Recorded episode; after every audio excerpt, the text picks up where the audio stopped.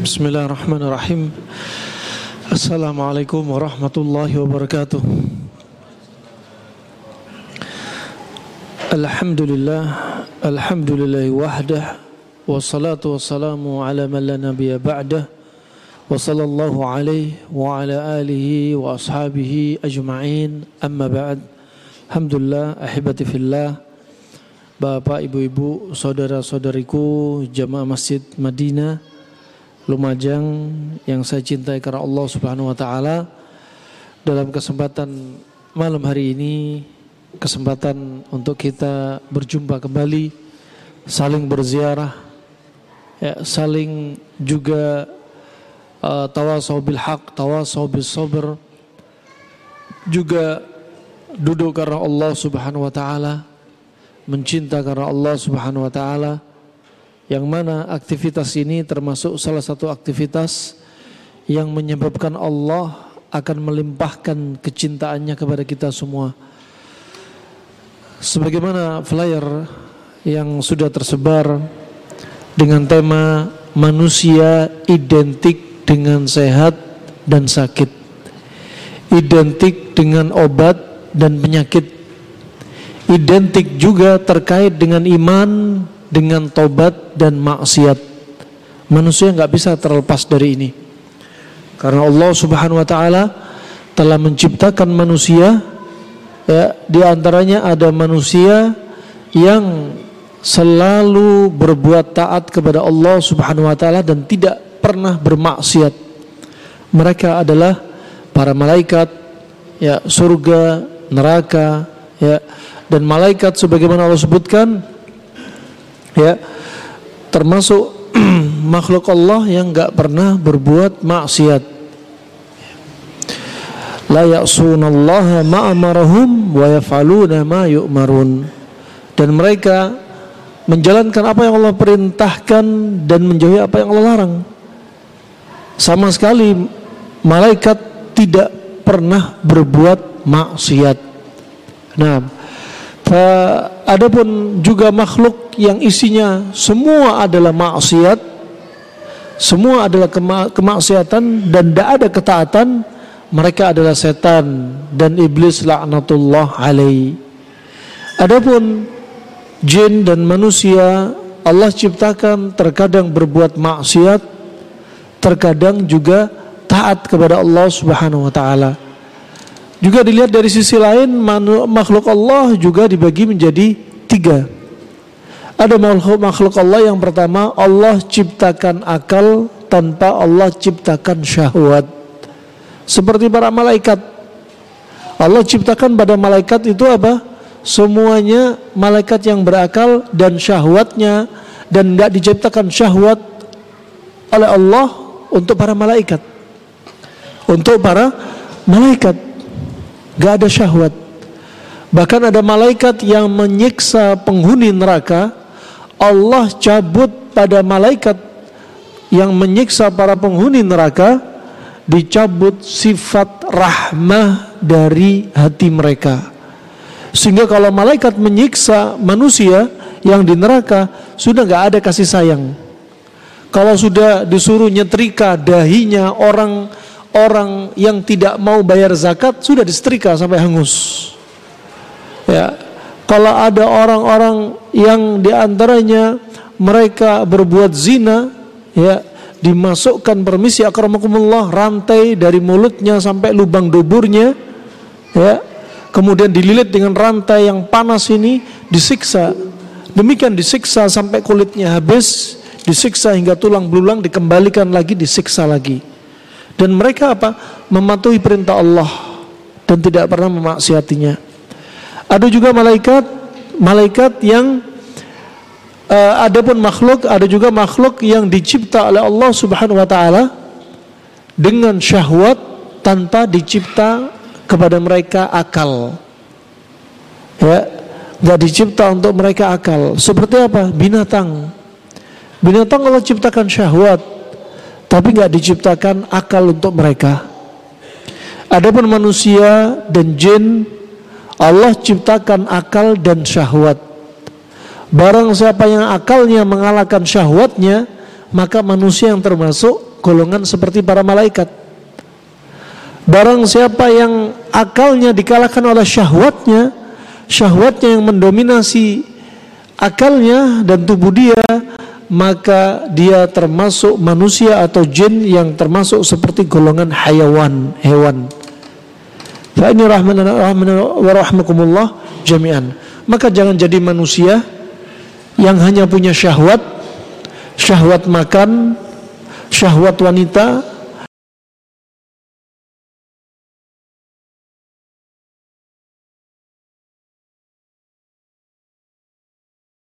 sampai akhirnya dia menjadi manusia yang punya penyakit wahan, takut mati. Karena apa? Syahwat dengan urusan dunia. Nah, fa ini rahmatullah jami'an. Fa syahwat imma syahwat terkait uh, urusan dunia ya. Fa ini berarti menjadi apa? Manusia yang dikalahkan, akalnya dikalahkan atau dikuasai oleh syahwat. Makanya penting Ya, penting untuk apa? Kita harus tahu manusia identik dengan apa? Sehat dan sakit. Sehat kalau apa? Kalau syahwat makan dia bisa dikendalikan. Sehat kalau apa? Kalau psikis dia, mental dia bisa diatur. Ya. Sehat juga kalau apa? Kalau juga terkait tidurnya. Kalau syahwat tidur terlalu banyak akhirnya apa? Tubuh dia terlalu lembab dan menimbulkan penyakit. Ya ada juga syahwat syahwat banyak makan. Ya syahwat juga bisa syahwat kemaluan nasallahu afiyah dari mata tangan telinga dari ghibah namimah lisan juga demikian. Maka ini rahmatullah sekali lagi ya sehat sakit sebagaimana kita sebutkan di perjumpaan sebelumnya bahwasanya definisi sehat itu simpel sekali. Sehat itu enak makan, enak tidur, enak perasaan. Sangat nyaman. Kalau bilang sehat ternyata dia masih minum obat sakit mah sebelum makan. Setelah makan minum obat pengencer darah. Minum obat darah tinggi berarti nggak sehat. Ya. Juga Enak tidur, enak tidur di antaranya apa? Ciri-ciri sehat. Kalau mau tidur harus minum obat penenang. Ketika tidur terbangun, terperanjak dari tidurnya nyenyak berkali-kali, berarti lagi gak nyaman. Kalau tidur terbangun berkali-kali, lima kali, enam kali, ya buang air kecil, berarti gak sehat. Ya menunjukkan ginjalnya dia sudah lemah. Kemudian enak perasaan itu juga penting. Makanya perasaan juga perlu dijaga. Nah, fa, kalau Anda merasakan diri Anda tiba-tiba satu saat Anda menjadi manusia yang labil. Anaknya dimarahin, istrinya dimarahin, teman-temannya dimarahi. Koreksi diri Anda. Ya. Bisa jadi Anda sedang menyimpan perasaan yang nggak baik dari dendam, dari sedih, Akhirnya setan masuk ke dalam jantung kita, menguasai hati kita. Maka saat itu ya menjadi manusia yang dikuasai oleh syaitan, gampang marah. Makanya Nabi uh, bersabda la taqdhab. Ya uh, diulangi sampai berkali-kali la taqdhab. Jangan marah. Ya la taqdhab falakal jannah. Jangan marah bagimu surga Terus dihibur terus oleh Nabi SAW. Kenapa? Karena kalau ada mulai cobaan muncul amarah, ya dendam, kemudian sedih, ini juga menunjukkan bahwasanya dia nggak sehat. Ya, bahwasanya nggak sehat. Disebutkan dalam satu hadis, hadis yang lemah diriwayatkan oleh Imam Suyuti bahwasanya kathratul kathratul huzn yusabbib al-haram Orang yang sedih bikin cepat tua. Juga apa? Kathratus saqam juga bikin cepat sakit. Hadis ini lemah secara sanad tapi maknanya lemah.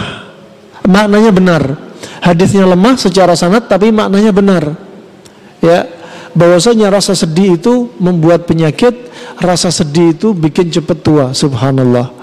Nah, fa jami'an orang sehat sakit seketika sakit pun ada obatnya ya begitu pula ada orang yang orang yang maksiat juga Allah jadikan pintu taubat bagi dia dan semua ini juga nggak lepas dari apa? Nggak lepas dari takdir Allah Subhanahu wa taala. Sebagaimana Allah telah berfirman dalam riwayat Imam Muslim ya, kataballahu maqadira al-khalaiq qabla an yakhluqa as-samawati wal arda bi khamsina alf sanatin. Qala wa arshuhu 'alal ma' Nabi telah bersabda, Allah Subhanahu wa taala telah mencatat Allah telah mencatat, maksudnya mencatat ini adalah Allah memerintah pena al-qalam untuk mencatat. Yaitu pena takdir ini. Untuk mencatat apa? Takdir-takdir dari makhluk Allah Subhanahu wa taala. Sampai daun yang jatuh saja dari pohonnya itu sudah dicatat. Apalagi urusan manusia yang Allah ciptakan akal dan syahwat ya fa semua ini dicatat kapan qabla ayakhluqa sebelum dicipta as-samawat langit dengan lapisannya ini juga bumi sekitar 50 ribu tahun sebelum diciptakan langit dan bumi ini. Ya ini menunjukkan apa? Keimanan kita terhadap takdir Allah Subhanahu wa taala termasuk sehat sakit. Ada orang sakit ketemu obatnya juga takdir Allah. Ya juga orang yang maksiat bertaubat juga atas takdir Allah subhanahu wa ta'ala. Dan kemudian Nabi bersabda wa arshuhu alal ma dan arsnya Allah itu di atas air di sini terjadi perbincangan para ulama di antaranya berarti sebelum Allah menciptakan arsh Berarti Allah telah menciptakan air dulu sebelum arsh. Ya. Sebagaimana disebutkan Imam Az-Zahabi dalam kitabnya Al-Arsh. Nah, wa kemudian rahmatullah ya orang yang sehat, orang yang sakit ya dan takdir terhadap ketemu obat penyakit itu adalah pilihan Allah dan kehendak Allah Subhanahu wa taala. Wallahu yakhluqu ma yasha'u wa yakhtar. Dan Allah Subhanahu wa taala dialah Allah yang berkehendak dan dialah yang memilih.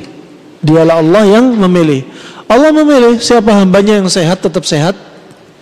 Siapa hambanya Allah yang sehat kemudian gampang sakit. Siapa hamba Allah yang sakit gak sembuh-sembuh dan tetap sakit.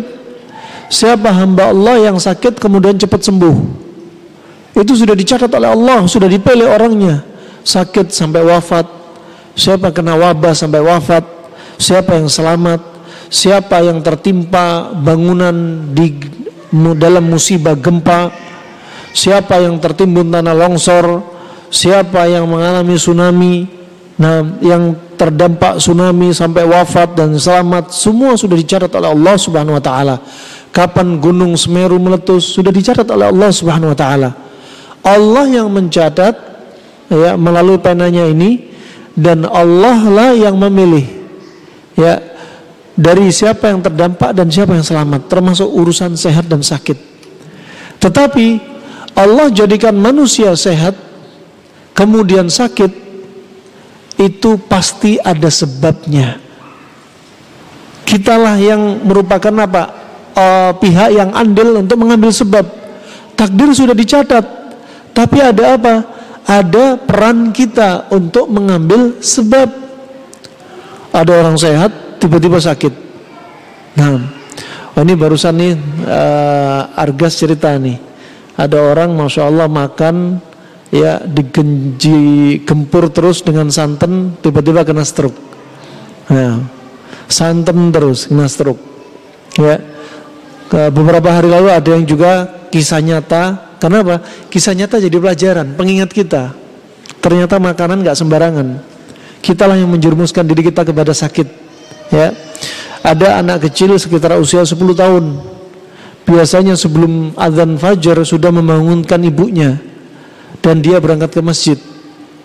Suatu ketika anaknya dibangunkan sama orang tuanya, "Nak, ayo bangun, Nak." Tumben kamu nggak bangun, Nak. Ternyata anaknya di dalam kamar sambil teriak, "Bu, aku nggak bisa bangun. Kamu jangan guyon, Nak." "Iya, Bu, kakiku nggak bisa digerakkan, tanganku nggak bisa digerakkan, badanku lemes." Ya. Kemudian setelah dibuka pintunya, ternyata anaknya kena stroke. Masih usia 10 tahun, dibawa ke rumah sakit sudah nggak bisa ditolong. Nah, ternyata apa dampaknya? Karena makan minuman instan yang berlebihan. Nah, wah anak zaman sekarang 12 tahun kena stroke karena minum teh-teh kemasan. Ya, satu hari tiga botol, hitungan 9 bulan sudah kena stroke. Ada yang makan makanan yang kemasan yang harga seribu rupiah, dua ribu rupiah satu hari tiga bungkus sampai lima bungkus hitungan sembilan bulan kena kanker kanker nasofaring. Anak umur sembilan tahun. Ya ada yang sembilan tahun karena minum jus-jusan yang di blender dengan es warna-warni. Ya subhanallah hitungan sembilan bulan juga harus cuci ginjal subhanallah. Ya fa ini penting untuk diperhatikan. Maka ada perantara sebab. Ya begitu pula orang yang sakit cepat sembuh juga ada perantara sebab. Sebabnya apa? Dia mengambil apa? Mengambil uh, sebab untuk berobat, sebab untuk sembuh, dan sebabnya itu cocok dengan penyakitnya. Kalau anda ada yang berobat lama nggak sembuh-sembuh, koreksi. Berarti cara pengobatannya ada yang nggak pas. Nah, ada yang nggak pas. Kemudian ada orang yang sakit, sakit terus nggak sembuh-sembuh. Juga demikian, ada sebabnya. Kenapa? Karena dia nggak ada keinginan sembuh. Sugesti juga ketika berobat juga nggak ada.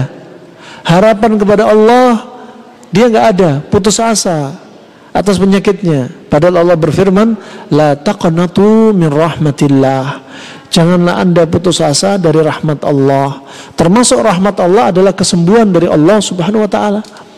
Ada orang yang di antaranya sehat, Sehat alhamdulillah terus menerus. Alhamdulillah jarang sakit. Jarang banget sakit. Wah, ini apa? Karena dia mengambil sebab. Sebab untuk tetap sehat. Tidurnya diatur, olahraganya diatur, makanannya diatur, ya. Masya Allah, semuanya ke apa? Lifestyle-nya diatur. Apalagi mencontoh lifestyle-nya Nabi Shallallahu Alaihi Wasallam. Nah, ini perlu diperhatikan. Ya, Wah, yang berikutnya Anda harus bercermin kalau ada di antara Anda seumur-umur sampai detik ini nggak pernah sakit. Tanda petik, sakit gigi aja enggak, sakit hati aja enggak. Nah, harus bercermin. Kenapa? Karena Nabi sudah bersabda dari dalam hadis riwayat Imam Ahmad, Imam Bukhari dalam uh, Al-Adab Al-Mufrad disahkan Syekh Al-Bani rahimahullah taala ketika Nabi melihat apa? Laki-laki badu yang sangat kuat. Ya, Ketika Nabi takjub dengan dia, Nabi berkata, "Ya, hal asabaka umumil dam? Kamu pernah kena umumil dam?" Kata orang Badu, "Apa itu umumil dam?" Kemudian kata Rasulullah, "Al-humma al-harara bainal wal adlat."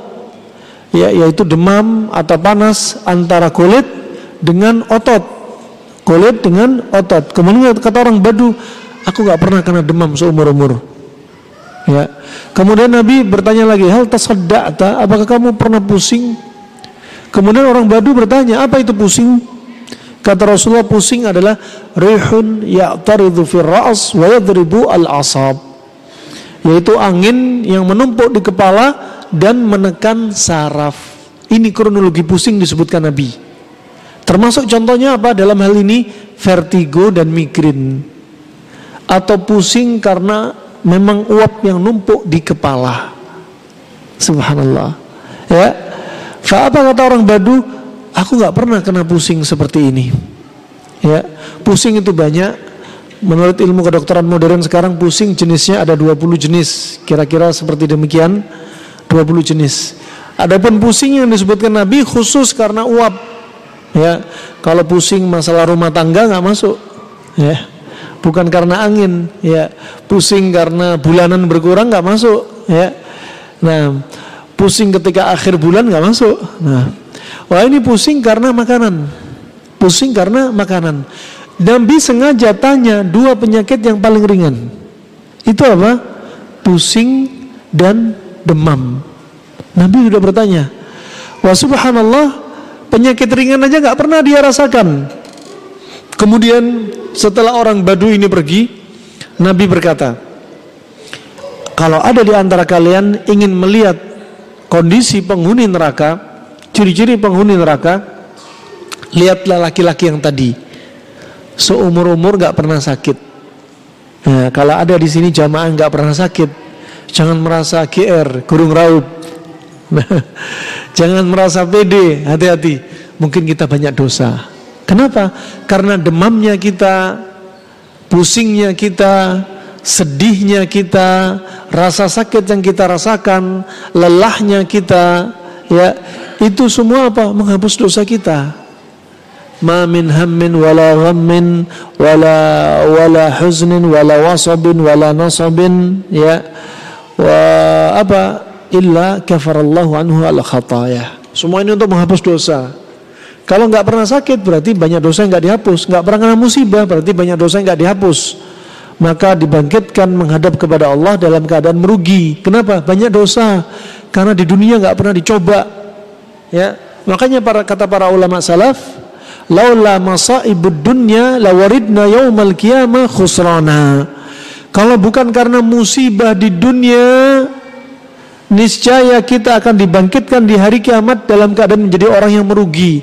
Syukur antum masih merasakan sedih. Ya, bersyukurlah antum masih merasakan sakit. Bersyukurlah Allah mencoba diri antum. Kenapa? Itu semua menghapus dosa. Inna Allah idha habba qawman ibtalahum faman radhiya falahu ridha wa man sakhita falahu as-sukhut.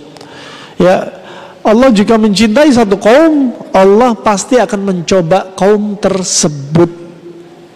Ya, barang siapa mereka ridho dengan cobaan dari Allah, Allah akan ridho kepada mereka. Barang siapa yang nggak ridho dengan cobaan ini, marah, Allah juga akan marah. Gak ada solusi bagi anda kecuali sabar dan ridho. Dan orang yang sakit, orang yang kena musibah, orang kena cobaan di awal kena cobaan dan musibah, dia langsung sabar dan ridho. Dia adalah orang yang lebih cepat dituntaskan dari musibah tersebut. Allah akan ringankan beban dia. Wa may yattaqillah yaj'al lahu makhraja wa yarzuqhu min haitsu la yahtasib. Barang siapa bertakwa kepada Allah Allah akan jadikan bagi dia jalan keluar. Termasuk takwa kepada Allah ketika musibah sabar dan ridha. Sabar hukumnya wajib. Ridha Ibnu Rajab mengatakan hukumnya mustahab. Ada yang mengatakan hukumnya wajib. Ya. Maka ini penting. Wa yarzuqhu min haitsu la yahtasib. Dan Allah akan beri dia apa rezeki yang nggak disangka-sangka. Di luar ekspektasi. Contohnya siapa? Contohnya Ummu Salamah. Di luar ekspektasinya Ummu Salamah ketika ditinggal wafat oleh suaminya Abu Salamah dia langsung dari rubuk hatinya yang paling dalam mengucapkan innalillah wa inna ilahi raji'un. Allahumma ajirni fi musibati wa khlufli khairam minha. Doa ini diajarkan suaminya sendiri Abu Salamah. Dan gak lama kemudian Allah coba Ummu Salamah untuk benar nggak jujur nggak membaca doa yang diajarkan suaminya suaminya dari Nabi Shallallahu Alaihi Wasallam. Dibaca doa ini ya sesungguhnya kami ini hanya milik Allah dan kepada Allah lah kami akan kembali ya Allah ya Allah berilah pahala dari apa musibah yang kurasa ini ya Allah Ya Allah gantilah dari musibah yang aku rasa ini dengan yang lebih baik. Sampai Ummu Salamah dia berazam tidak akan menikah dengan lelaki mana pun kecuali lebih baik daripada Abu Salamah. Kenapa? Abu Salamah laki-laki yang setia, yang muamalahnya baik, yang rajin ibadah, yang yang dia berhubungan dengan istrinya membaiki muamalah dengan istrinya sangat baik. Sehingga dia nggak pingin dapat suami yang lebih buruk dari Abu Salamah. Kecuali apa? Lebih baik. Karena diucapkan dengan jujur, dia dapat pahala. Kemudian di dalam hati dia keluarkan ke ujung lisannya. Kemudian ya tiba-tiba Rasulullah lah yang meminang Ummu Salamah. Subhanallah. Rasulullah lah yang meminang Ummu Salamah. Sampai Ummu Salamah merasa nggak pede. Ya Rasulullah, aku wanita yang tua ya Rasulullah. Ya, aku wanita yang tua ya Rasulullah. Kata Rasulullah, aku lebih tua dari daripada kamu ya Ummu Salamah. Ya akhirnya menikah. Subhanallah, Ummu Salamah dapat laki-laki yang lebih baik. Bahkan sebaik-baik manusia dari Adam alaihissalam sampai hari kiamat. Rasulullah wasallam. Nah, wa ini rahimahumullah jami'an. Kemudian sekali lagi sehat sakit sudah dicatat. Antum sakitnya kapan sudah dicatat. Ya, sakitnya apa sudah dicatat. Sakitnya berapa lama sudah dicatat. Antum terapi apa kemudian nggak sembuh sudah dicatat. Antum pindah ke terapis yang lain kemudian sembuh sudah dicatat. Ya, Antum di antara obatnya pantangannya apa? Sudah dicatat. Obat yang cocok untuk antum apa? Sudah dicatat oleh Allah Subhanahu wa taala. Itu iman kita. Daun jatuh saja sudah dicatat, apalagi urusan kesehatan antum. Yang lebih mahal daripada sekedar daun jatuh, lebih diperhatikan oleh Allah Subhanahu wa taala. Wa ini rahmatullah ya sehat sakit is your choice, pilihan Anda juga. Andalah yang menjerumuskan diri Anda dalam penyakit dan andalah yang juga mengambil sebab diri Anda sehat. Ya, makanya sebagaimana misal orang yang berhujjah dengan maksiat. Berhujjah dengan takdir dari perbuatan maksiat dia. Ya, sebagaimana kisahnya Umar bin Khattab ketika mendatangi lelaki, dia berbuat maksiat. Kenapa kamu berbuat seperti ini? Kata laki-laki tadi, pemuda tadi, aku berbuat maksiat ini karena takdir Allah Subhanahu wa taala. Takdir Allah yang disalahkan padahal dia yang bermaksiat. Kemudian Umar bin Khattab mengambil pelepah kurma dipukul dengan keras. Kubrak gitu kan. Apa kata pemuda ini? Kenapa kamu memukul saya? Aku pukul kamu juga karena takdir Allah. Ya, makanya kalau antum sakit jangan salahkan takdir Allah.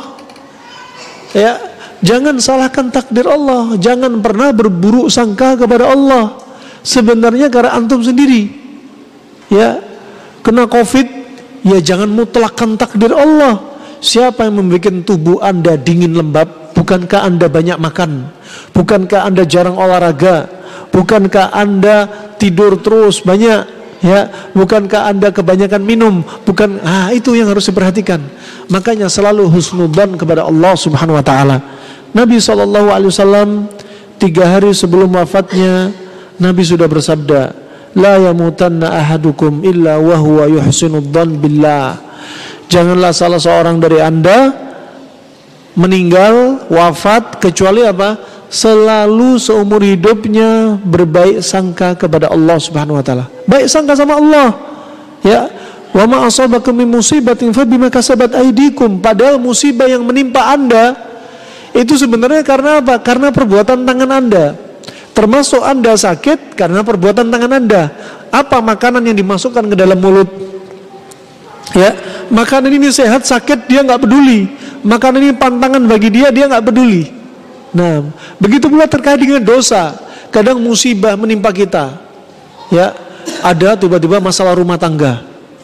Masalah rumah tangga ternyata muncul karena apa? Karena dosa kita, dosa salah satu dari pasangan ini atau dosa dari suami istri ini. Ima dosa suami, ima dosa istri, ima dosa dua-duanya. Ya Allah jadikan rumah tangga itu retak. Ya Allah kasih apa? Cobaan sebagai apa? Penghapus dosa dia. Nah, kenapa juga karena dosa. Termasuk adanya gempa, adanya gunung meletus, adanya tsunami. Jangan sampai dipikir ini fenomenal alam yang sangat dahsyat. Nah, akhirnya apa? Di ketika ada gempa bumi selfie selfie. Wah ini gempa bumi keras nih kencang nih. Orang lagi gempa bumi selfie gitu kan. Ada lagi gunung meletus ya. Wedus gembel sudah keluar wah selfie. Wedus gembel mendatangi dia. Dilalap sama wedus gembel. Nah jadi batu akhirnya. Nah HP-nya jadi batu manusianya jadi batu. Nah rahimahullah rahmatullah jami'an. Jangan bilang ini fenomenal alam. Fahasab Jangan sampai cukup bilang ini fenomenal alam. Gempa bumi di Cianjur itu karena pergeseran lapisan bumi di bawah, langsung di bawah Cianjur, bukan di lautan. Adapun gempa bumi tadi siang jam 1 di Jember 6,2 skala Richter lebih besar dari Cianjur yang hanya 5,2. Tapi rasanya nggak sedasat Cianjur. Kenapa? Karena pusatnya jauh di lautan. Adapun Semeru meletus karena sudah mulai uh, memuntahkan isi magmanya sudah penuh. Tsunami yang terjadi di Aceh karena karena gempa bumi bergeser, air laut masuk, kemudian keluar dengan kecepatan 800 sampai 1000 km per jam, menghantam manusia. Fenomenal alam terus yang dipikir. Terus setelah kejadian ini, nggak ada iman itu berubah tambah kuat. Kalau urusannya fenomenal alam, kenapa? Gak ada bedanya. Gak ada bedanya. Subhanallah. Makanya penting apa? Jangan hanya dipikir fenomenal alam.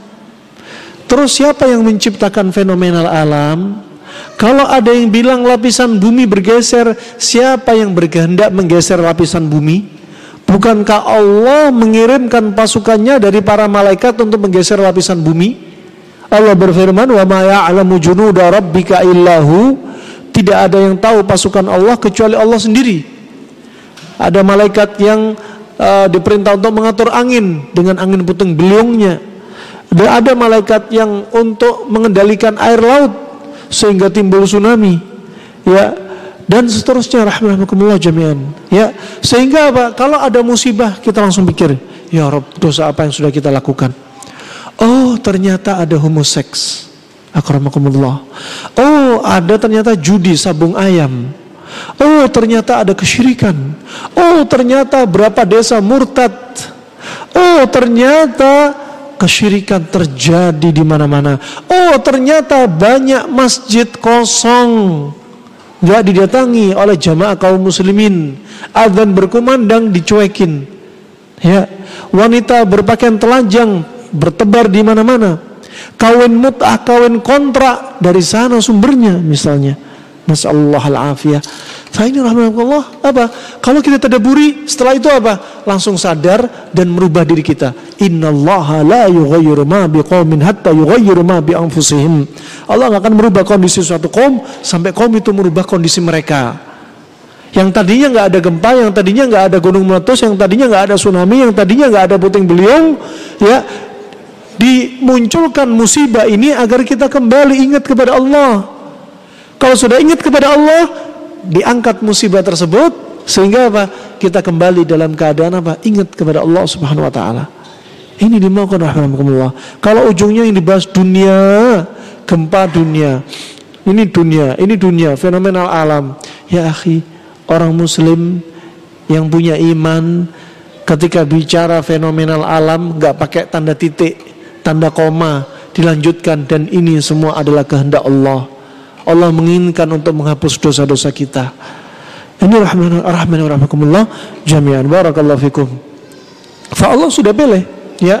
Siapa yang sakit, siapa yang sehat, Allah juga sudah pilih.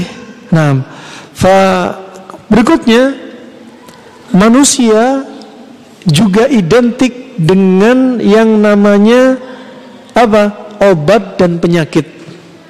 Obat dan penyakit. Kalau antum lihat Orang yang sakit di rumah sakit jenis kelamin laki-laki atau wanita? Hah? Mana? Akhiru. Laki-laki atau wanita? Hah? Paling banyak siapa? Yang paling banyak? Laki-laki. Laki-lakinya stres itu berarti. Nah, banyak masalah kayaknya. Kalau kita lihat sebenarnya Anda lihat seperti di Arab kalau kita buka ya misalkan uh, pengobatan-pengobatan seperti pengobatan gratis dan sebagainya rata-rata yang sakit itu kaum wanita. Anda lihat juga orang yang kena kanker rata-rata laki apa perempuan? Perempuan. Nah, wah ini sebagai bahan tadabur. Wanita itu lebih banyak mengalami sakit. Ya. Ima karena faktor terbesarnya dari luar karena makanan, ima faktor terbesarnya dari dalam diri sendiri karena psikis. Ya, berapa banyak wanita yang terkena kanker ujung-ujungnya psikis. Ya, psikis. Berapa banyak wanita terkena kelenjar tiroid, pembengkakan kelenjar gondok, ya rata-rata juga wanita. Kanker payudara wanita, kanker rahim wanita, kanker serviks wanita. Ya. Adapun laki-laki jarang kena kanker. Paling kalau ada kanker nasallahu afiyah, ada kanker prostat itu pun sedikit ada kanker lambung, itu sedikit, itu pun paling yang ngerokok. Ya. Kanker mulut, itu pun yang ngerokok. Ya. Jarang banget. Yang banyak itu pun karena faktornya faktor kehidupan dia nggak sehat. Ya, ada pun wanita paling banyak mengalami kanker. Ya, paling banyak mengalami kanker. Ternyata dari luar tadi faktor makanan dan yang mendominasi dari dalam adalah faktor psikis. Berapa banyak jumlah kasus kanker sembuh tanpa obat kimia, tanpa obat herbal, tanpa terapi apa pun, hanya membaca Al-Quran. Ini antum rutinkan nih, bukan hanya orang kanker doang, antum juga. Ya, usahakan ke mana-mana bawa Al-Quran. Dua jam sekali baca Al-Quran, 10 menit, nggak usah pakai lama. Baca Al-Quran setiap 2 jam 10 menit lebih baik daripada baca Al-Quran hanya pagi atau sore saja. Lebih baik daripada orang yang baca Al-Quran sepekan sekali hanya surat Al-Kahfi. Lebih baik daripada orang yang baca Al-Quran ya sepekan sekali satu juz. Lebih baik daripada daripada orang baca Al-Quran sebulan sekali khataman. Ya, tapi nggak rutin. Fa rutin sedikit tapi rutin lebih baik daripada banyak tapi jarang. Sehingga apa? Hati kita diikat dengan Al-Quran, dengan zikir. Dan Al-Quran adalah induknya zikir. Ala bizikrillahi tatmainnul qulub. Bukankah dengan zikir kepada Allah, hati kita tenang. Bukan dengan musik. ya Bukan ketika banyak pikiran sedih, banyak ngemil. ya Bukan ketika sedih keluar wisata ke mana-mana. Bukan. Al-Quran itu obat. Nah, subhanallah banyak kasus kanker, ya tumor, dengan izin Allah sembuh dengan terapi hanya membaca Al-Quran. Hati dia yang tenang ketika dari telinga, gendang telinga diproses di otak, ya di otak, diproses di jantung, di hati, kemudian disebarkan ke seluruh tubuh. Subhanallah ternyata membawa dampak apa? Subhanallah kankernya juga hilang. 90% dari studi kasus mereka sembuh total dari kanker. Masallah al-afiyah. Rahimahullah jami'an. Maka jangan dientengkan. Makanya sehat itu mudah, sehat itu murah, dunia itu simpel. Jangan dibikin mahal, jangan dibikin susah. Yang mahal itu adalah hidayah, istiqomah dan surga Allah Subhanahu wa taala. Itu yang mahal. Ya. Farahmatullah berikutnya manusia juga identik terkait dengan apa? obat dan penyakit. Ya obat dan penyakit. Fa, namanya manusia ya uh, terkait uh, syahwat makan minum ini sangat besar kebutuhannya. Makanya sebenarnya penyakit itu sumbernya sebenarnya sebenarnya dari mana? Al bidayah wan nihayah. Al bidayah ini mulut kita. An nihayah permisi akramakumullah adalah dubur lubang duburnya. Nah, sumber penyakit di situ mayoritasnya yang dari makanan ya ataupun dari psikis ya ini juga termasuk sebab dari dalam nah wallahu alam bisawab kita lanjutkan setelah adzan insyaallah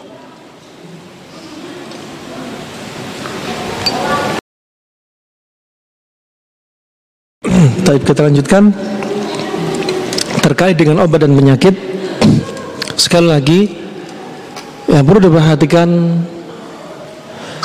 sebagaimana sabda Nabi sallallahu alaihi wasallam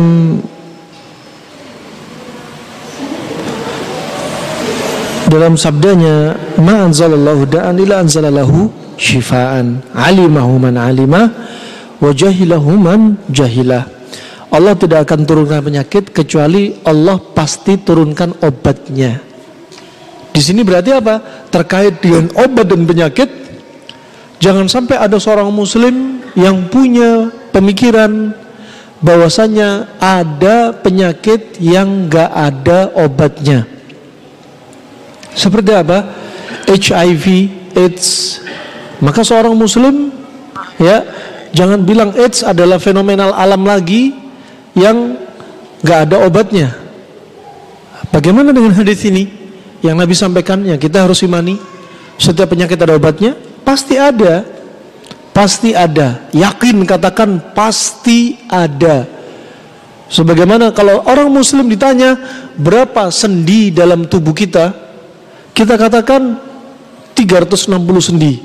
Pasti 360 sendi. Kenapa? Karena Allah melalui lisannya Nabi yang Nabi bersabda dan itu wahyu. Ya, jangan sampai ragu sendinya manusia antara 250 sendi sampai 350 sendi. Orang muslim enggak 360 sendi. Kenapa? Dalil yang menyebutkan. Nah, maka juga demikian terkait hepatitis B. Enggak ada obatnya. Enggak, pasti ada obatnya.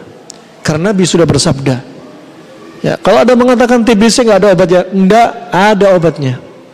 Kalau ada mengatakan ini asam urat harus minum obat seumur hidup, enggak, enggak harus minum seumur hidup. Enggak ada ceritanya obat diminum seumur hidup. Pabrik membuat obat diminum seumur hidup bagi Anda yang enggak merubah gaya hidup Anda, pola makan Anda. Silakan minum seumur hidup. Bagi Anda yang merubah pola makan Anda, gaya hidup Anda, alhamdulillah.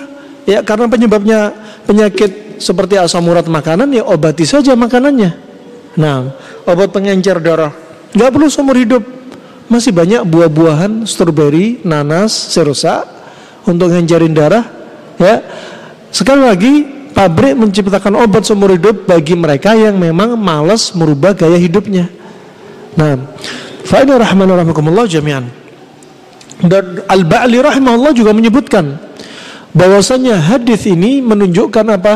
Perlunya kita belajar ilmu pengobatan. Ya, Kata Nabi apa? Taulah orang yang tahu dan gak taulah orang yang gak tahu. Taulah orang yang tahu yang Allah berikan ilmu untuk mengobati AIDS, hepatitis B. Allah yang beritahu. Dan gak tahulah orang yang gak tahu karena dia gak tahu. Yang gak tahu gak usah memfonis.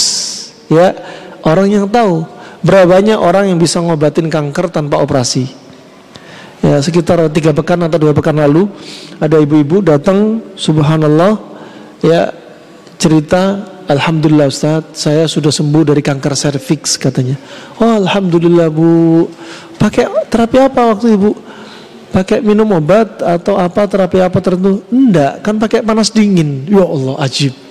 Ternyata konsep panas dingin ya nggak sengaja yang kami tulis sebegitu dahsyatnya ternyata kanker serviks pun bisa sembuh hanya dengan konsep panas dingin.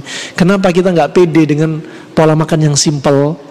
Ya, kalau Nabi pakai kurma dan semangka, kita di negeri kita juga banyak selain kurma dan semangka. Nah, kurma semangka juga bagus. Kalau bosan nggak bisa kurma semangka terus menerus kan masih banyak yang lainnya yang bisa dimisalkan dengan panas dingin yang sering kita bahas.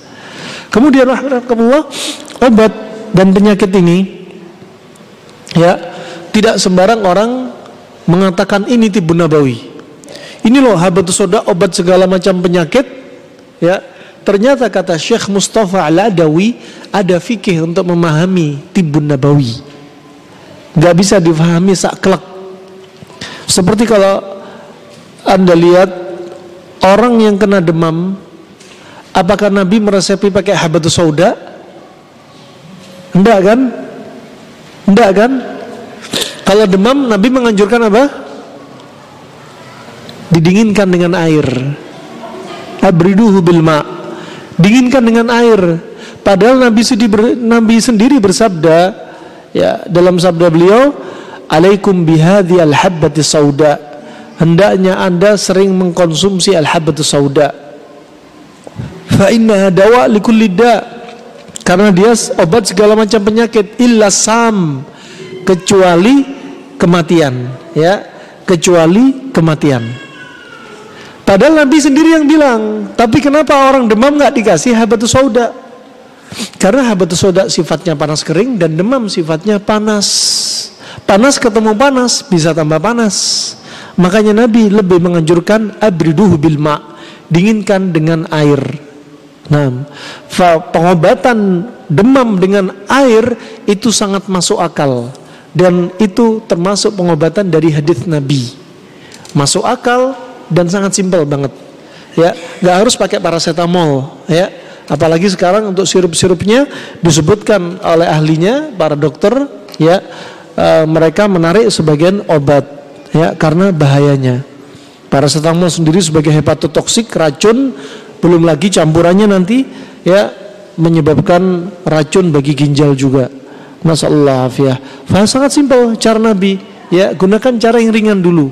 Makanya jangan jadikan habatus soda pengobatan alternatif, tapi apa pengobatan utama.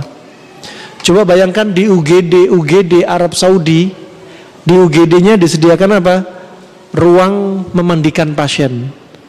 Kalau ada orang demam, demam tinggi sudah dikasih paracetamol, disuntik penurun demam nggak kurang-kurang, langsung dimasukkan kamar luas, ya para perawat-perawatnya sudah siap-siap nyemprot, sudah semprot semua, suruh diguyur air, ya akhirnya demamnya turun, coba simpel banget. Kenapa? Mereka mengimani hadis Nabi Wasallam, mengimani hadis Nabi Wasallam. Kemudian rahmatullah, uh, Uh, dari sini apa di antaranya ada yang perlu difahami. Gak asal-asalan mempraktekkan satu pengobatan. Ya, begitu pula ketika ada orang diare, Nabi menganjurkan apa? Minum madu. Orang diare berarti banyak elektrolit hilang. Kalau elektrolit hilang, tubuh dia bakal dingin. Dianjurkan sama Nabi dengan madu. Itu pun gak sembarangan. Uh, ketika ada sahabat datang kepada Nabi ya Rasulullah, si fulan ini diare ya Rasulullah. Kemudian apa kata Rasulullah? Isqi asalan. Kasih dia minum madu. Kemudian balik lagi sahabat, ya Rasulullah masih diare. Kasih dia madu kata Rasulullah. Sampai ketiga kali. Di sini menunjukkan apa? Ada dosisnya.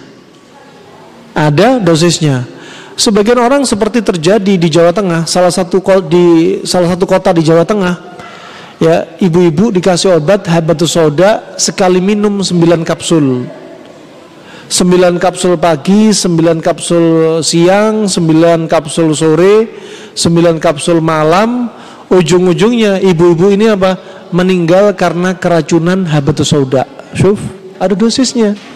Ya begitu pula Nabi SAW ketika ada orang yang kena air nasa nyeri isialgia. Ya pembuluh darah dan saraf terjepit antara apa? Antara pinggul dengan paha. Terjepit. Sehingga apa? Kadang bisa menyebabkan apa? Bisa menyebabkan nyeri dari pinggul turun ke paha, turun ke betis, turun ke mata kaki, turun sampai ujung jemari kaki. Bahkan kalau nggak diobati kata Ibnu Qayyim bisa menyebabkan kakinya kecil. Kenapa? Karena pembuluh darah dan saraf terjepit. Obatnya pakai apa? Ekor kambing misalnya. Ya, hadis Anas bin Malik riwayat Ibnu Majah pakai ekor kambing. Nabi sebutkan jenis kambingnya apa? Kibish. Kibish itu gibas. Ya. Berarti wedus gibas diambil dari bahasa Arab. Kibish. Ya. Syatun. Syatun itu apa? Kambing. Makanya kalau antum bilang sate kambing, sate diambil dari kata syatun. Kalau antum bilang sate kambing berarti kambing-kambing. Kalau bilang sate ayam berarti kambing ayam. nah, uh, ini rahmatullah jami'an. Fa apa? Uh, diambil dari apa? Uh, dari ekor kambing gibas. Di dalam riwayat Ahmad disebutkan bainal kabir wa saghir, enggak terlalu tua, enggak terlalu muda, sedang-sedang. Disebutkan dalam riwayat yang lainnya warnanya kalau bisa hitam, kalau enggak hitam enggak apa-apa, enggak harus hitam. Ya. Kemudian apa? Yudab Yudhab itu dimasak, dimasaknya dengan kuah. Ya, bukan dibakar, bukan digoreng, tapi dimasak dengan kuah. Kenapa? Biar keluar itu apa? kandungan-kandungan pada daging dan lemak. Ternyata pada ekor kambing ini banyak didapati apa? prostaglandin yang ternyata fungsinya untuk apa? Ngurangi nyeri dan ngurangi radang. Subhanallah. Semakin kuat iman kita kalau kita tahu Wah subhanallah hikmahnya sampai seperti ini gitu ya. Subhanallah kemudian apa? Habis dimasak ya dibagi menjadi tiga dosis. Satu ekor kambing untuk tiga kali minum. sehari minum sekali berarti satu ekor kambing bisa untuk tiga hari ya untuk tiga hari kemudian apa yushrab ala riq diminum ketika perut kosong coba Nabi sebutin jenis kambingnya bagiannya ekornya cara ngolahnya dosisnya dibagi berapa diminum ketika perut kosong ini hadis paling lengkap kenapa ketika perut kosong biar makanan minuman herbal minuman atau makanan yang berdampak sebagai obat karena bukan obat bukan hanya herbal, ternyata hewan juga bisa jadi obat, termasuk ekor kambing jadi obat. Gak bisa disebut herbal gitu kan. Herb kan dari tanaman. Ini apa tapi daging obat, bukan tanaman obat. Ya. Subhanallah ternyata apa? Ternyata mujarab kami coba berkali-kali betul-betul mereka sembuh dengan izin Allah Subhanahu wa taala. Nah, ketika ada sengat kala jengking, Nabi disengat kala jengking. Nabi pakai apa? Air dingin dengan garam air dingin untuk mendinginkan sifat panas, racun kalajengking, garam untuk ngisep cairan racun serum proteinnya kalajengking yang sudah masuk diikat sama garam jadi keluar. Kemudian Nabi sambil meruqyah al-ikhlas al-falak an-nas. Coba disebutkan. Nah, fa ini berarti apa? Butuh pemahaman untuk mempraktekkan tibun nabawi. Nabi SAW juga bersabda, ya uh, bahwasanya tadi disebutkan alaikum bihadhi alhabdu sauda fa innaha dawa likulli da'il sam bahwasanya habat sauda obat segala macam penyakit kecuali apa kematian satu ada dua penyakit yang nggak ada obatnya.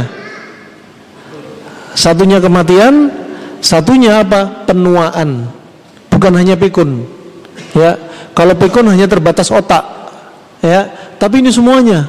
Syaikhukhah ya jadi apa? Jadi tua nah sebagaimana dalam hadis Nabi SAW ketika Nabi ditanya oleh orang Badu oleh orang Badu dari hadis Usama bin Syarik ya waktu itu uh, orang Badu gerombolan orang Badu bertanya ya Rasulullah apakah kita berobat ya Rasulullah kalau sakit kemudian kata Rasulullah tadawau fa Allah azza wa jal lam yadha da'an illa wada'a lahu dawa'an ghaira da'in wahidin al-haram.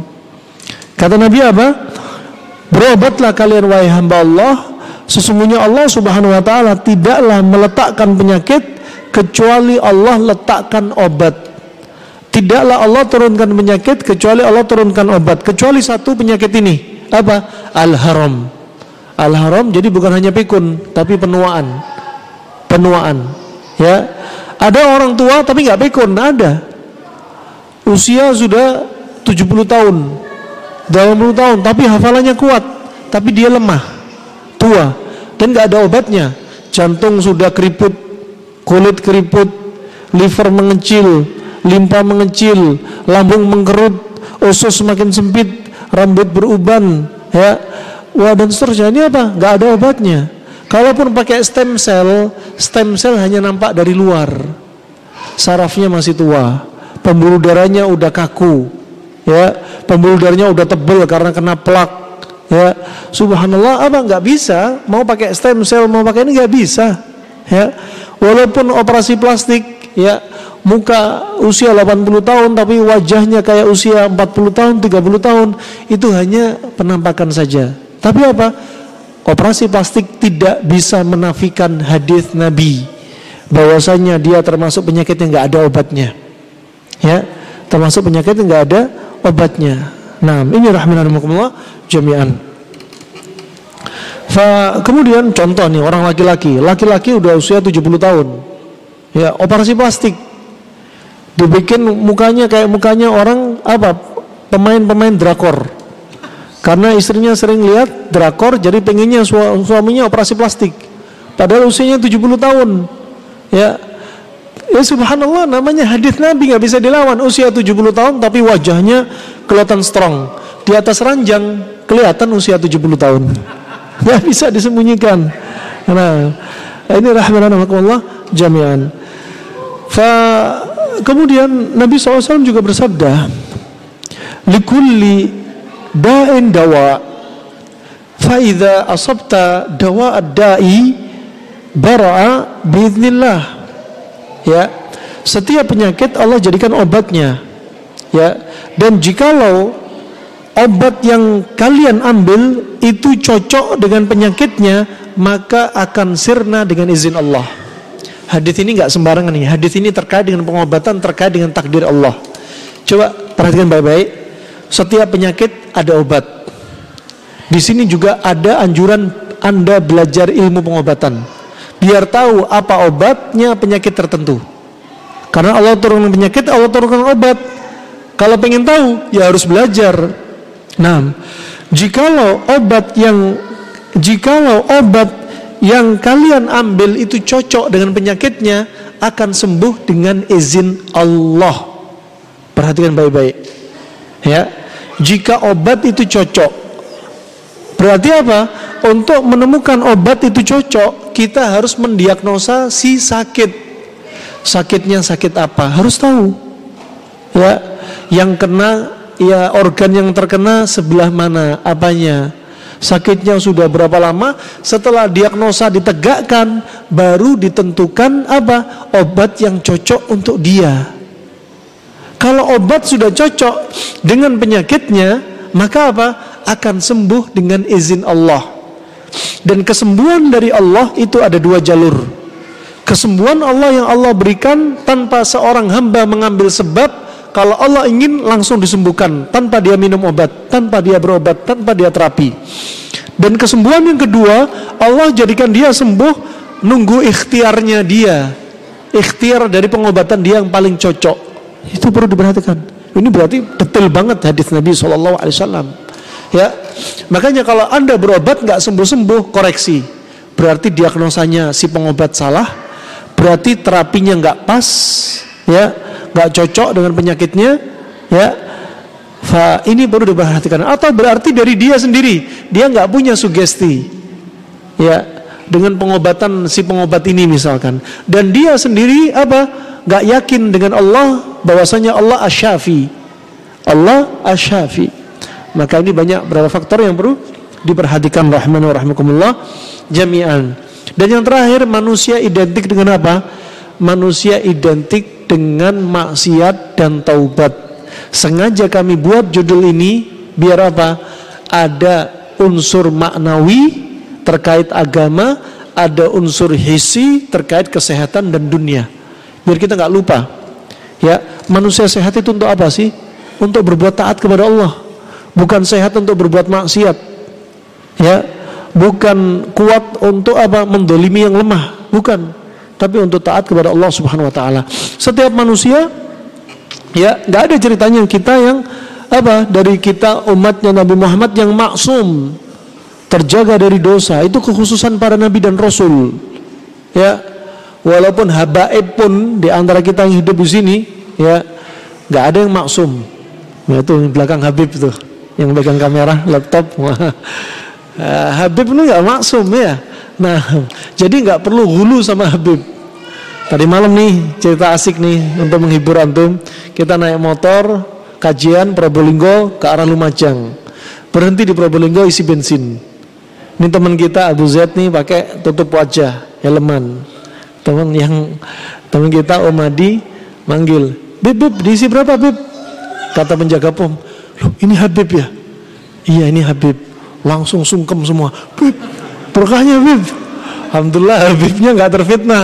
Masker nggak dibuka. Kalau dibuka Arab betulan. Muka Arab betulan. Waduh ngalap berkah semua nanti.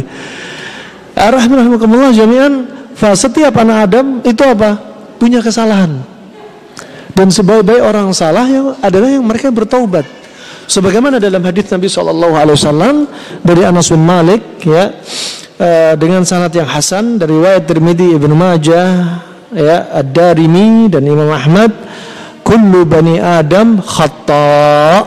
Setiap anak Adam itu apa? Punya banyak salah.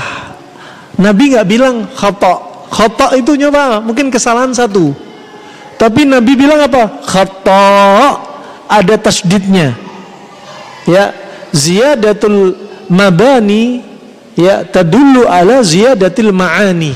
Dalam ilmu uh, apa sorof ya tambahan huruf atau tambahan seperti harokat atau tasdid ya ini memberikan apa memberikan tambahan makna artinya apa setiap anak Adam itu banyak salahnya.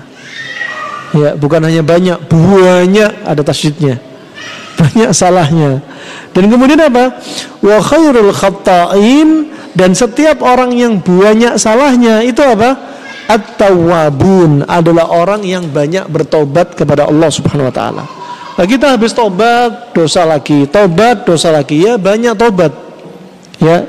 Pagi, sore bertobat, banyak istighfar. Taubat dibagi menjadi dua, taubatun amah wa taubatun khasah.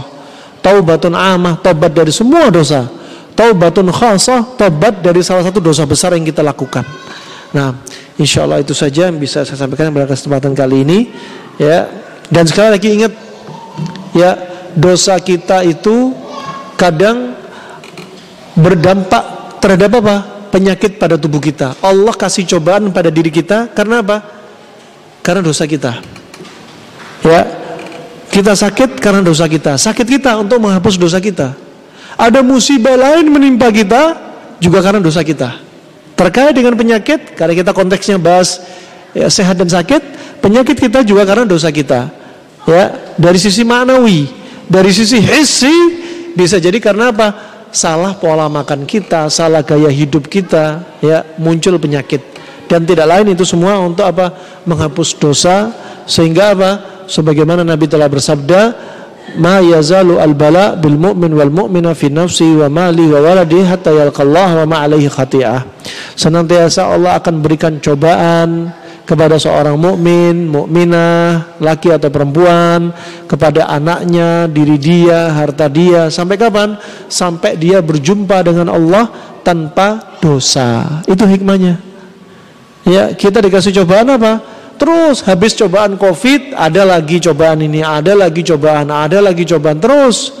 Ya, sampai apa? Menghadap Allah itu tanpa dosa. Itu keuntungannya, kita dihapuskan dosanya. Ada seorang uh, muallaf teman kami dari Prancis, ya, waktu di Yaman tahun 2005 dia cerita, "Ya, negeri kalian negeri Indonesia. Negeri mayoritas muslim, tapi kenapa sih negeri kalian musibah terus? Tsunami, gempa bumi, puting beliung, nanti gunung meletus, apalagi banyak lagi musibah, banjir dan sebagainya. Kenapa sih kalian banyak musibahnya? Kami loh di Prancis, banyak orang telanjang bulat satu kota. Kalau masuk kota itu harus telanjang bulat, gak disiksa sama Allah kata dia gitu. Nah, banyak zina di Prancis, nggak mengapa itu nyaman-nyaman aja. Ya, banyak orang ya jelas mereka orang kafir, nggak sholat, nggak nggak melakukan syariat Islam, tapi aman mereka, sentosa kah? Namanya orang baru masuk Islam, ya. Kemudian dijawab sama teman kita, iya bedanya ini loh. Nabi sudah bersabda, Inna Allah idha Allah yu'til abda minad dunya ma yuhibbu wa muqimun ala ma'asi fa'lamanahu istidraj. Ketahuilah wahai saudaraku, sesungguhnya kalau kalian melihat Allah memberikan nikmat kepada mereka, nikmat yang mereka senangi, tapi mereka tetap berbuat maksiat. Ya, dengan kenikmatan tersebut, ketahuilah itulah istidraj. Jebakan Allah yang didulukan di dunia, dibiarkan kalian tambah sesat, dibiarkan kalian tambah maksiat. Adapun kami orang muslim, kami banyak berbuat dosa. Allah berikan musibah untuk menghapus dosa kami. Biar kami menghadap Allah tanpa dosa. Kalau mereka orang-orang yang gak beriman kepada Allah, dibiarkan dosanya numpuk, nanti dikumpulin siksaannya di neraka. Nasallallahu alafiyah. Insya Allah itu bisa saya sampaikan. Ada satu dua pertanyaan. Tafadhol barakallahu fikum. Atau sudah cukup? Cukup ya? Gak ada yang tanya? Atau mau anak tanyai? Anak tanya ya? Anak tanya ya? Taib yang bisa jawab dapat hadiah. Om Adi siap-siap? Ada? Ada ya? Siap ya? Hah? Enggak, Om Adi kalau ada kalau ada jawab dapat dapat door prize. Oke. Okay. Oke okay, ya. Tiga pertanyaan. Siap. Pertanyaan untuk ibu-ibu. Pertanyaan untuk ibu-ibu, ada ibu-ibu yang namanya Aisyah enggak? Ada ibu-ibu namanya Fatimah? Tapi pertanyaan ibu deh, kalau ibu bisa jawab ada door prize ini, door prize ya. Uh, pertanyaannya, tadi manusia dibagi menjadi tiga terkait apa syahwat dan akal. Coba angkat tangan dan sebutkan ibu-ibu bukan bapak-bapak. Coba sebutkan bu. Manusia dibagi menjadi tiga terkait syahwat dan akal.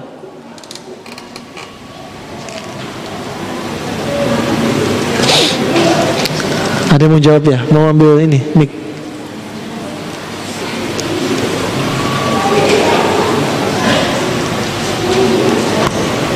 Ah, nah. Ibu-ibu yang jawab. Biasa ibu-ibu rajin mencatat. Bismillah.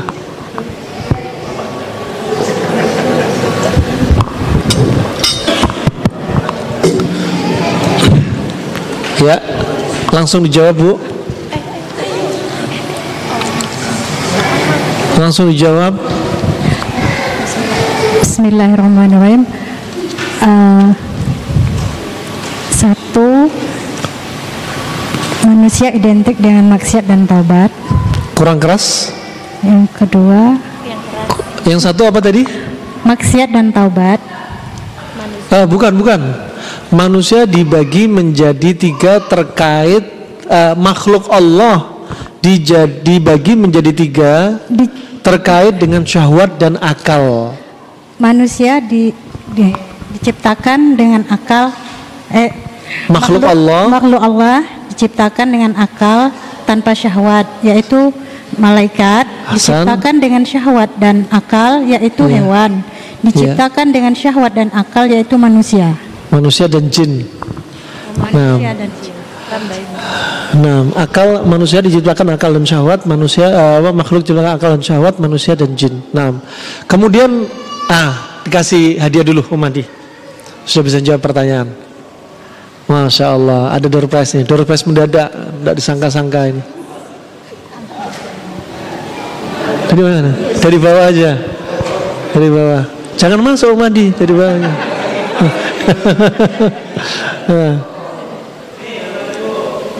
Ya.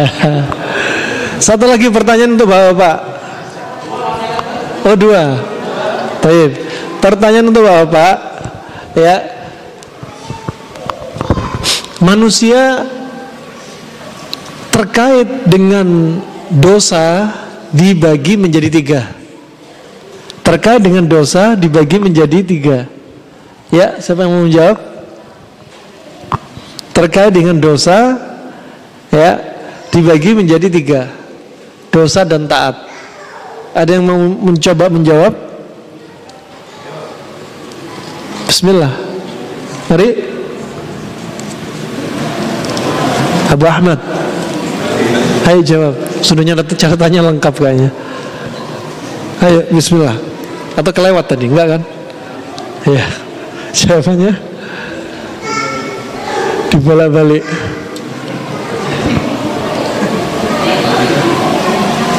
Ya Ada yang bisa mencoba menjawab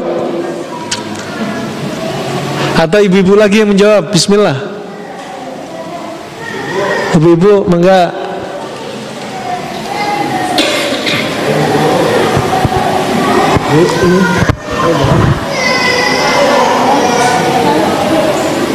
Bismillah Kayaknya mic-nya nggak diambil kadang jawab berarti Baik, kalau nggak ada yang jawab, ganti pertanyaan. Ganti pertanyaan. Ada door prize ini? Hah? Fadal. Hah? Manusia dibagi menjadi tiga terkait dosa dan ketaatan kepada Allah. Satu. Apa maksudnya dosa syahwat? Bukan, bukan, bukan. Abu Muhammad mau jawab? Ya. Oh, ibu-ibu ada yang mau jawab? Fadal. Tafadhali. Silakan ibu-ibu. Enggak ada. Ganti pertanyaan. Maksudnya mereka yang bertanya. Apanya? Iya. Kenapa? Oh dijawab. Jawabannya tadi kan sudah ya. Sebenarnya sudah disampaikan. Apa? Ada manusia Ada makhluk Allah yang isinya taat nggak ada maksiat. Siapa mereka? Malaikat. Ada yang diciptakan Allah Isinya maksiat terus nggak ada taat-taatnya. Siapa? Setan dan iblis. Sudah bisa kejawab itu. Ada yang kadang taat Kadang maksiat. Siapa? Manusia dan jin. Bisa loh aslinya. Nah. Nah Hampir sama dengan yang tadi. Pertanyaannya, pertanyaannya, uh, pertanyaan berikutnya ya. Dari hadis yang anda sebutkan nih, ma anzalallahu da'an ila anzalallahu shifaan. Ya, fa idza asabta dawa ad-da'i bar'a Allah tidak akan turunkan penyakit kecuali Allah turunkan obatnya. Kalau obat itu cocok dengan penyakitnya, maka sembuh dengan izin Allah. Coba sebutkan tiga faidah dalam hadis ini. Angkat tangan. Coba sebutkan minimalnya tiga faidah saja dalam hadis ini.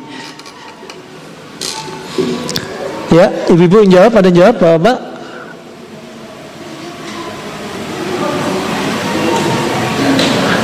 Kayaknya materinya kurang hot ini. Nah, ya Ahsan.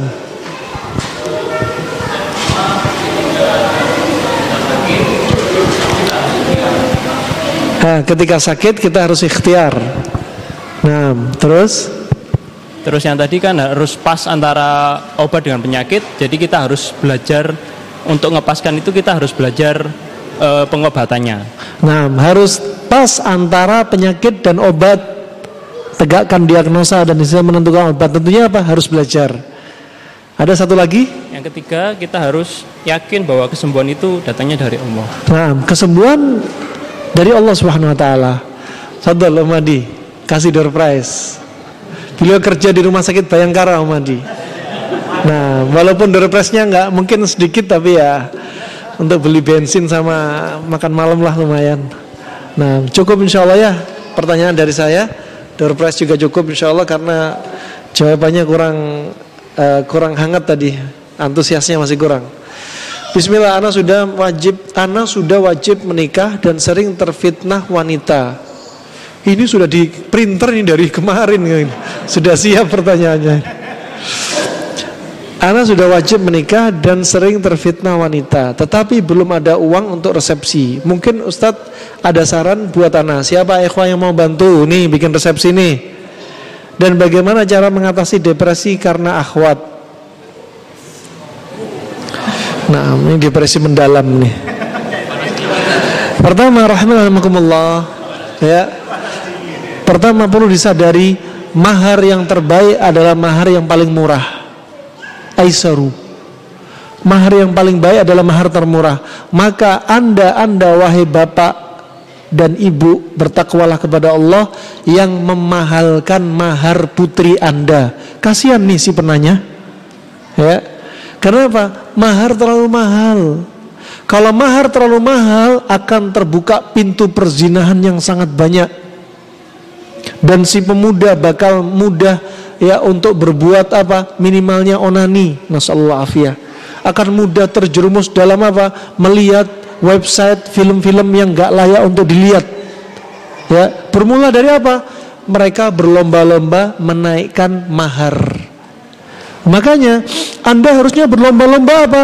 Memurahkan mahar pernikahan putri anda.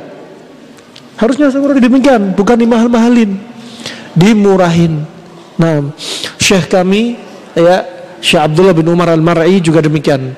Menikahkan putrinya dengan mahar yang sangat murah. Ketika putrinya dinikahi muridnya sendiri. Ya murah banget. Bukan harga pasarannya mahar istilahnya. Nah apa? Dia ingin mengamalkan sunnah Nabi Shallallahu Alaihi Wasallam. Bantulah mereka ya. Kedua kalau memang dia sudah dapat jodoh yang cocok dia belum mampu maka teman-teman ta'awun. Tolong menolong untuk membantu dia. Ya bukan hanya korban gempa korban semeru meletus. Ini korban apa? Gempa syahwat ini menderita dia. Ya gunung syahwat ini meledak ini. Bahaya. Bantu dia sama teman-teman ya. Ahibati fillah. Bagaimana cara mengatasi depresi karena akhwat? Ya mengatasi depresi karena akhwat ya sabda Nabi SAW ya ma'syar syabab ya wahai para pemuda apa kata Nabi? Tazawwaju nikahlah kalian ya. Man istata minkumul ba'a falyatazawwaj. Barang siapa di antara mereka sudah punya apa ba'ah ba'ah itu kemampuan seorang laki laki-laki bisa mendatangi pasangannya. Demikian pula wanita ya. Maka apa? Menikahlah dia fa'ilam tastati kalau anda nggak mampu nggak mampu apa? Nggak mampu mungkin belum siap harta mahar maka apa? Falyasum fa'inalahu wija. Maka puasalah karena puasa bagi dia adalah benteng tameng. Tameng apa? Tameng bagi mata dan kemaluan dia. Dari apa? Dari api neraka. Nah, maka apa? Kalau uh, Anda belum mampu ya di antaranya puasa sambil banyak doa, banyak sholat malam, ya, banyak zikir, banyak datangi ketaatan kepada Allah. Solusinya adalah banyak taat kepada Allah. Ya, kalau memang antum pun kerja, kerja antum mungkin uh, ada yang nggak sampai menutupi biaya hidup sebulan, apalagi nyalengin untuk nikah doa sama Allah ya rezeki Allah kalau antum datangi ketaatan Allah ya Allah akan berikan jalan keluar untuk antum dari depresi antum dan Allah jadikan apa? Rezeki nggak disangka-sangka. Ya. Wa may yattaqillaha ja'alahu makhraja wa yarzuqhu min haitsu la yahtasib. Nah itu ya. Kemudian apa? Bukan apa? Maksa kerja. Demi nikah kumpulin mahar kerja. Sholat duhur molor. Sholat asar molor. Duhur sama asar dijamak terus. Biar pekerjaan lancar ya. Nah, bukan demikian. Solusinya ya uh, sebagaimana disebutkan oleh para ulama ya aslih akhiratak aslahakallahu dunyak Perbaikilah urusan akhiratmu Niscaya Allah akan perbaiki urusan duniamu.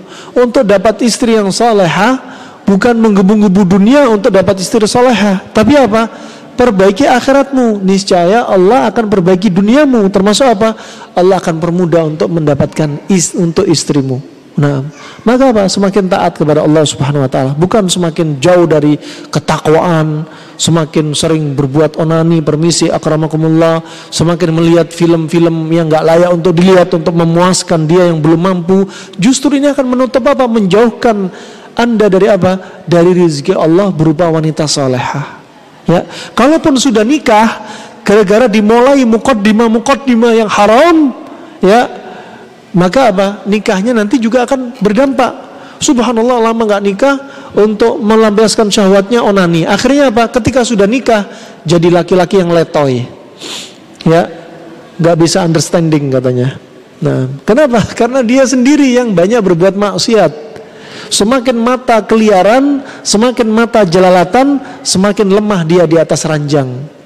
Semakin mengecewakan. Akhirnya apa? Bilang ke istrinya, istriku, aku mengecewakanmu. Ya, kamu minta khuluk saja kepadaku, aku akan persilahkan karena aku sudah memalukan. Kenapa? Karena dia sendiri. Eh, para ulama, eh, sebagian ulama salaf berkata, ya, aqwakum fil firash, ya, atqakum. Orang yang paling kuat di atas ranjang adalah orang yang paling bertakwa. Lihat di antara para ulama, jarang para ulama yang apa? Yang istrinya satu. Ulama salaf. Ya, jarang di antara para sahabat yang apa? Yang mereka apa? Menyendiri. Ya, kadang satu istri, kadang dua istri, kadang istri satu sudah nggak ada, nambah lagi dan seterusnya. Nggak akan dibiarkan dirinya sendiri. Dan demikian Nabi sembilan istri, karena Nabi punya kekuatan lebih daripada sahabat yang lainnya. Satu malam bisa mendatangi istrinya sembilan. Nabi Sulaiman mendatangi istrinya seratus istri. Kenapa? Semua menunjukkan apa? Ketakwaan mereka. Semakin mereka bertakwa, urusan wanita mereka nggak main-main ya betul-betul dilampiaskan kepada yang halal. Justru ini agama. Ketika ada satu agama yang melarang seseorang menikah dengan wanita, justru menyelisih fitrah. Akhirnya apa? Terjatuh dalam perzinahan. Justru orang yang melarang poligami, lihat akhirnya apa? Terjadi perzinahan. Demi Allah kami dapati beberapa sekitar sepekan lalu ada bapak cerita. Bapak ini cerita apa? Nikah poligami terpaksa diam-diam. Kenapa? Karena tahu kondisi istrinya. Akhirnya apa? Akhirnya dia dapati dia lebih tenang. Kenapa? Karena fitnah di Jakarta sangat kuat.